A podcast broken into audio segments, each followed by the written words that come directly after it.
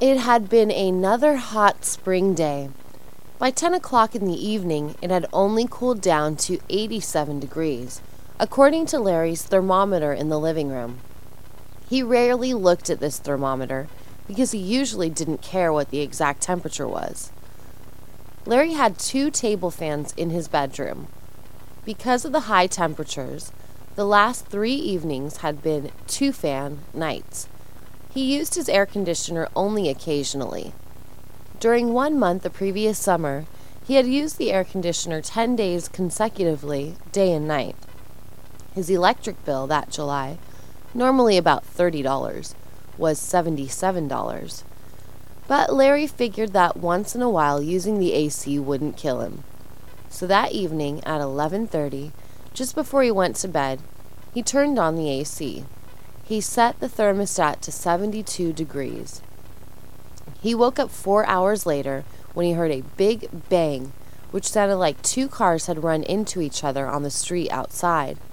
But it wasn't two cars, it was the AC capacitor on the roof.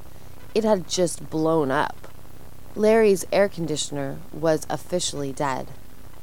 Two circuit breakers had switched off, so he switched them back on. Larry had already suspected that there was something wrong with his air conditioner. He called Jack, the repairman, but Jack didn't show up until four days later because he was so busy repairing all the other air conditioners in the neighborhood. When Jack finally came, he climbed up on the roof. Larry heard a lot of banging. Twenty minutes later, Jack told Larry, You need a new air conditioner. Yours is the original model that came with this apartment building. All the other original AC units have been replaced. Yours lasted longest, but now it's kicked the bucket. I'm going to call your landlady to see if she will approve a new AC unit for you. It's going to cost $1,200 parts and labor. Wow, said Larry. Jack said that if everything went as planned, he'd install a new unit Monday morning. Until then, he said with a smile, stay cool.